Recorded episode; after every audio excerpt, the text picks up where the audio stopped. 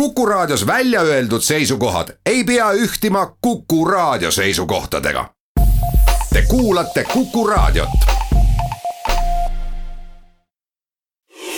kindlustusminutid tere päevast, head Kuku raadio kuulajad, alanud on kindlustusminutite saade. minu nimi on Andres Panksepp. tänases saates tuleb juttu vastutuskindlustusest ja stuudios on kõneisikud, need on Argo Argel BZU kindlustusest, tervist. tere. ja Aune Pärn IF kindlustusest. tere. mida üldse tähendab vastutuskindlustus? vastutuskindlustus on niisugune huvitav kahjukindlustuse liik, mis tegelikult äh, hüvitab siis äh, need kahjud, mida kindlustatud isik põhjustab kolmandale isikule. ja lisaks sellele, et hüvitab kahjud, on seal kaasas tavas ka õiguskaitsekulude sihukene kaitse, ehk mis aitab tõrjuda nõuded, alusetud nõuded, mis esitatakse siis kindlustusvõtja vastu. õigusabikulud äh, on siis äh, seotud kindlustusjuhtumiga ja kaasnevad ka ekspertiisi ja, ja kohtukulud. kes saavad vastutuskindlustuslepingu sõlmida? Vastutuskindlustuse lepingu saavad sõlmida nii juriidilised isikud kui füüsilised isikud, kes siis on äh, seaduse järgi võivad lepinguid sõlmida. ütleme, et alaealised äh, kahjuks ise äh, kindlustuslepingut sõlmida ei saa peamiseks sihtgrupis vastutuses on siis suures osas on tegelikult on juriidilised isikud ja eraisikute seotud vastutus tavaliselt on seotud meie teise tootega, näiteks kodukindlustuse raames või reisikindlustuse raames on see võimalik võtta räägimegi lahti, et äh, mis juhtudel võiksid siis äh, eraisikud vastutuskindlustust vajada? tegelikult võiks, äh, võiksid kõik omada vastutuskindlustuse lepingut, aga ma arvan, et sellised riskantsemad riskigrupid on näiteks kortermaja elanikud, siis kindlasti pered, kus kasvavad lapsed, sest lapsed on sellised suurema ohu allikad samuti loomaomanikud, nii lemmiklooma kui ka näiteks loomapidajad ja sellised aktiivse eluviisiga isikud vastutuskindlustuse juhtumiks näiteks eraisiku puhul on just see, kui ta näiteks siis nüüd see jalgrattaga sõitja sõidab otsa kellelegi isikule või. või põhjustab liiklusavarii mhm. näiteks mm -hmm. või mäesuusatamisel suusatatakse kellelegi otsa. tuputatakse alumist naabrit näiteks on ju, lastega käiakse reisile, lapsed unustavad seal reisil kuskil kraani lahti, lükkavad hotellituba või midagi või müravad teiste lastega, tekitavad neile kahju, et et need on need juhtumid, mille vastu siis tegelikult eraisikul oleks mõistlik vastutuskindlustus teha. ja kui rääkida lahti nüüd, millistel juhtudel ettevõtted peaksid äh, seda kindlustusliiki vajama? no ettevõtetel on see ring oluliselt laiem ja need juhtumid ka laiem, sellepärast et iga ettevõtte majandustegevus on pisut erinev teisest. ja sõltuvalt tema majandustegevusest äh, võib ta tekitada kahju, kas siis on ju äh, oma tavalise tegevuse käigus lihtsalt, et ta viibibki kolmanda isiku territooriumil, osutab mingit teenust, näiteks ehitajal kukub tellis auto peale või kukub kraana ümber kusagil, on ju. samuti on siin, äh, kui ta toodab näiteks mingit toodet, tal on tootja vastutus või pakub toitlustusteenust, et tema toode on puudusega, põhjustab kahju. samamoodi võib olla seal erialane vastutus, kui see majandustegevus seisneb mingi erialase teenuse osutamises, näiteks audiitorid, notarid osutavad teenust, on ju ja siis on veel tööandja vastutus, et tegelikult vastutab ka siis tööandja äh, põhjustatud tööõnnetuste ja kutsehaiguste eest seega vastutuskindlustuse leping igale ettevõtjale oleks äh, soovituslik, sest äh, vastutuskindlustuse kahjud võivad olla ootamatult suured. kui me ennem rääkisime eraisiku vastutusest, siis äh, meil on ka eraisiku vastutuskindlustuses olnud kahju ligi sada tuhat eurot ja ettevõtetel näiteks on eelmise aasta kõige suurem kahju olnud miljon eurot et äh, tuleb kindlasti vaadata, et kas ettevõte sellise kahju äh, tekitamisega saaks ise hakkama vastutuskindlustus on oluline just see ettevõtte jaoks ka aru saada, et ta kunagi ei tea, kelle ta kahju tekitab. ja see on see riskimoment ettevõtte jaoks, et ta mõtleb küll, et näiteks mul on siin kontoripind. ja kui siit tekibki mingi leke, et mis see ikka on, siis kellelgi on vaja vaip välja vahetada, et see ei ole suur risk, et ma kannan seda. samas on olnud juhtumeid, kus see leke tekib ja selle all tegelikult rentnikul oli kallis aparatuur, mis hävib. ja ta, ta ei oska ette näha, kindlustusvõtja, mis see tegelikult see kahju on.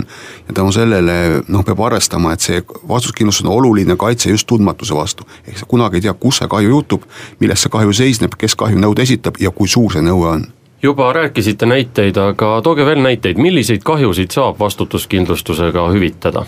tootja vastutusest ma tooks näiteks näite mm, -hmm. on äh, kui sa toodad, see tootja mõiste on sihuke alati Eestis natuke sihuke, et ilukirjanduslikult tootja on see, kes toodab nagu põhimõtteliselt midagi. aga seaduse alusel tootja mõiste on laiendatud, et tegelikult tootja vastutus on ka äh, kauba maaletoojal, kui ta toob Euroopa Liitu seda. või kui ta näitab kaubale oma nime ja kui ta osutab toitlustusteenust näiteks, et see tootja mõiste on nagu laiem ja, ja meil on olnud juhtumid, kus siis põhimõtteliselt eh, see toode, mida ta ise ei toodagi, aga ta müüb seda toodet, on puudusega ja see tekitab kahju. päris tootja on kuskil välismaal, aga tema vastu esitatakse nõue, kuna tema võrdsutakse tootjaga. ja ta peab hüvitama selle kahju ja kas ta välismaalt raha tagasi saab või ei saa, ei tea. ja see kahju hüvitamine kui selline on tavaliselt suured kahjud ja see võib ohtu seada firma eksisteerimise, kui tal ei ole vastutuskindlustust kõige suuremad kahjud tegelikult on sellistel ettevõtetel kes toodavad nagu pooltoodangut teisele ettevõttele, mis võib siis, äh, puudusega toode võib rikkuda ka teise ettevõtja toote ära ja seal tulevad mängu juba lisakaitsed, näiteks toote tagasikutsumise kindlustus, mis võivad ka tuua kaasa väga suured kahjud ettevõttele. Mhm. jah, sest toode võib olla ka osa teisest tootest, nagu mm -hmm. siin õieti mainiti näiteks kui ma toodan piimapulbrit ja keegi valmistab piimapulbrist kommi ja piimapulber on defektne, siis tegelikult see kahju järjest paisub suuremaks, on ju. on rohkem pooli, kes esitab sinu vastu lõpuks nõude. teine, et äh, nagu suurem riskigrupp on äh, tegevuse vastutus äh, ja siis ehitustegevused, mis on nagu ka suuremate kahjudega kindlustatakse suhteliselt palju küll näiteks äh, vahetati sanitaarseadmeid äh, viiendal korrusel, unustati aga enne seadme äh, seina küljest lahtivõtmist kinni keerata veekraan. ja siis see uputas kõik viis korrust ära nii et äh, kahju oli üle, üle saja tuhande euro jälle kord. sageli kaevatakse mhm. puruks mm -hmm. juhtmeid, kaableid mm, -hmm. torusid, äh, puuritakse auke seina, kus taga on toru, puuritakse aukusid sisse. pluss on igasuguseid kukkumisi, ümberkukkumisi ja selle tõttu tekkinud kahjusid. ja, ja isegi kui ollakse ettevaatlikud, et võib ikkagi juhtuda selleks, meil eelmine aasta juhtus ka selline kahju, kus värviti kraanat, pandi kõik, kaeti kinni, et see värv ei pritsiks kuskile aga läheduses oli parkla ja oli suhteliselt tuuline ilm ja ikkagi kannatada sai üle viiekümne sõiduki, mis olid parkinud seal. Ja see kahju oli ka päris, päris suur ja kolmas siis sihuke valdkond on erialane vastutus, kus on ka erialade liikes on see kahjulugu, muidu kahju ülevaade nagu erinev. näiteks hästi palju on kahjusid projekteerijatel ja arhitektidel ja mm -hmm. geodeetidel ja sellise erialase teenuse osutamisel mm. -hmm. vähem on natuke arstidel, kuigi see arstide teema on ka ju väga populaarseks muutunud, meediast on siin läbi käinud need väärravijuhtumid et sealt äh, on ka tõenäoliselt oodata tulevikus, et äh, nõuete kasvu. veel on ju teema tööandja vastutus, mis oleks väga oluline igal ettevõttel et äh, kui saab näiteks äh, töötaja surma ja tal on äh, väike laps kodus, siis tegelikult peab ju selle lapse tööandja üles kasvatama kuni kaheksateistkümnenda eluaastani või siis, kui läheb ülikooli veel, veel kauem. et need, need võivad osutuda päris suurteks kuludeks ja tööõnnetuste arv, nagu me teame ka tegelikult on küllaltki suur. Eh, ja me kardame nagu natuke ka seda, et paljud tööõnnetusi ei ole nagu avalikult isegi nagu registreeritud, et see. et me näeme tegelikult ainult jäämäe veepealset tippu, et tegelikult tööõnnetuste arv Eestis on ikkagi päris, päris suur ja tuleb meeles pidada seda, et vastuskindlustuslepinguga ei saa kindlustada kõiki riske, et mingi osa riskidest jääb alati kindlustusvõtja enda kanda. ja see nüüd sõltubki, kuidas lepitakse kokku tingimustes, millised on seal välistused, millised on kaitsed, on ju. ja kindlustusandja lähtub alati kindlustushuvist, milline on kindlustushuvi kliendil ja kui klient ei kirjelda näiteks piisavalt detailselt oma huvisid või jätab midagi rääkimata, siis võib juhtuda, et tekivad sinna augud sissekattesse. tuleb aru saada, et kindlustusselts ei võta üle seda vastutust, mida kindlustus kindlustusvõtja ise kannab, vaid tema lihtsalt aitab kompenseerida seda, seda nõude, nõuet, kui see nõue tema vastu esitatakse. et vastutab ikkagi ju äh, kindlustusvõtja ehk klient edasi ja hüvitatavad kulud on peamiselt, on siis kas siis äh, isikukahjudest tulenevad varalised nõuded või siis asja kahjustamisest tulenevad varalised nõuded ja noh, tegelikult eh, ega ei saa ju tingimustega piirata kõiki neid, eh, neid kahjus, noh neid kahju olemusi, mida siis nagu hüvitatakse, sest me ei tegelikult ju ei tea, mis nõue tuleb, on ju. näiteks mhm. võtame need ravikulud, me ei tea, mis nõuet tuleb, võib-olla on vaja talle proteesi, võib-olla on talle ratastooli vaja mm -hmm., võib-olla tal on meditsiinilist personali, abipersonali vaja, et me ei tea seda ette, et tavaliselt on see nagu nimistu on nagu küllaltki lahtine, et see mhm. lepitakse kokku siis, mida hüvitatakse ja et oma olemuselt siis vastutuskindlustus on nagu kogu riskikindlustus, et äh, kõik, mis ei ole välistatud, on kaitse all. ja sellepärast on nagu hästi oluline ka kindlustuslepingut sõlmides lugeda läbi kindlustustingimused ja eriti välistuste osa. et siis äh, vajadusel, kui mõni välistus ei sobi, teha kokkulepe kindlustusandjaga äh, ja leida endale kõige sobivam lahendus ja kindlustuslepingu sõlmimisel eh, me saame aru, vastutuskindlustus on nagu keeruline liik, et võib-olla see klient ei valda kõiki neid termineid, ei oska küsida, siis tegelikult ta võiks lähtuda sellest, et selle asemel pöörduda, et palun mulle nüüd tegevuse tootja vastutust, piisaks sellest, kui ta kirjeldaks ära, mis riskide vastu ta kaitset soovib ja meie saaksime siis kohe mm -hmm. pakkuda õiget kaitset.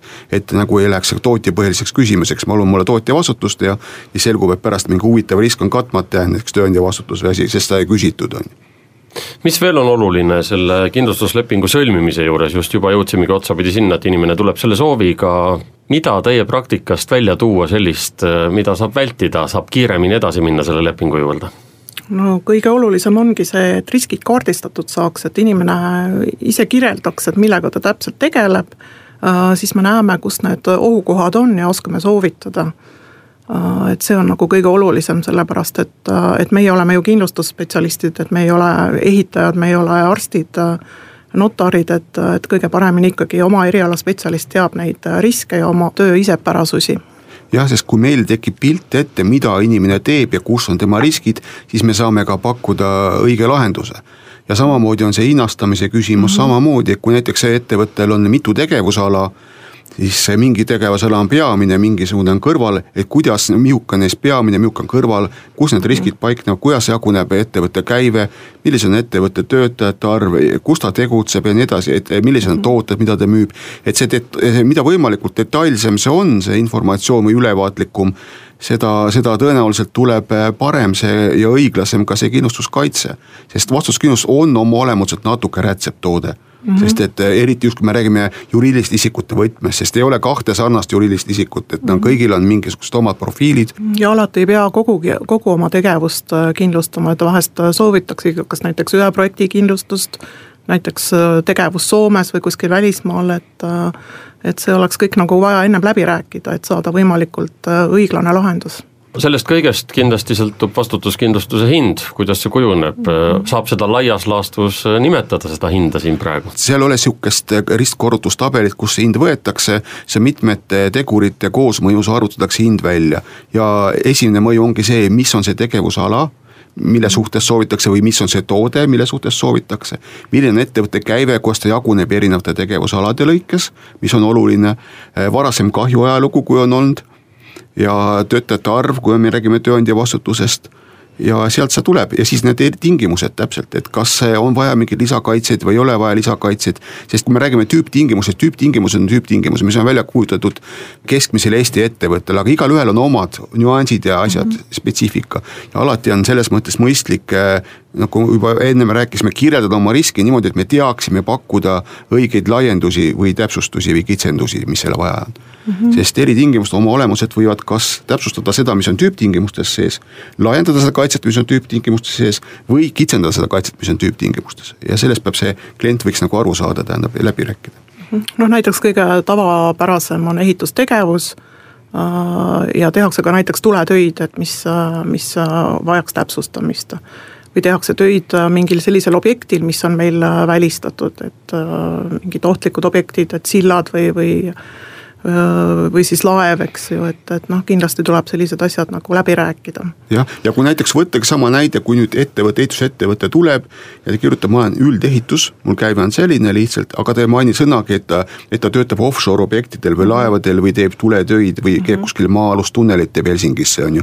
siis meie jaoks see riskiprofiil või see pilt on hoopis erinev, on vale, me mõtleme, et ta ehitab siin kontoroonet, on ju.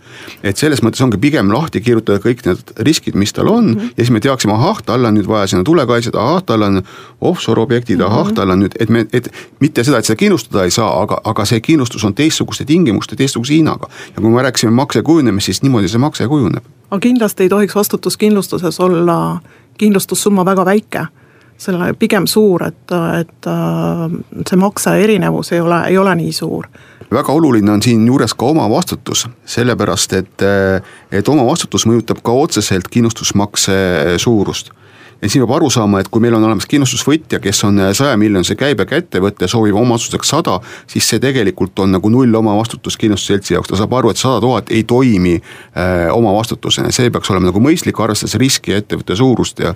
eraisikul võib-olla tõesti sada on mõistlik, aga ettevõtetel seal omavastutused ikkagi hakkavad kolmsada ja peale seda tähendab ja sõltuvalt ettevõtte suurusest ja riski suurusest ka siis seda palju juttu vastutuskindlustusest, stuudios olid Argo Argel BZU kindlustusest ja Aune Pärn IF kindlustusest.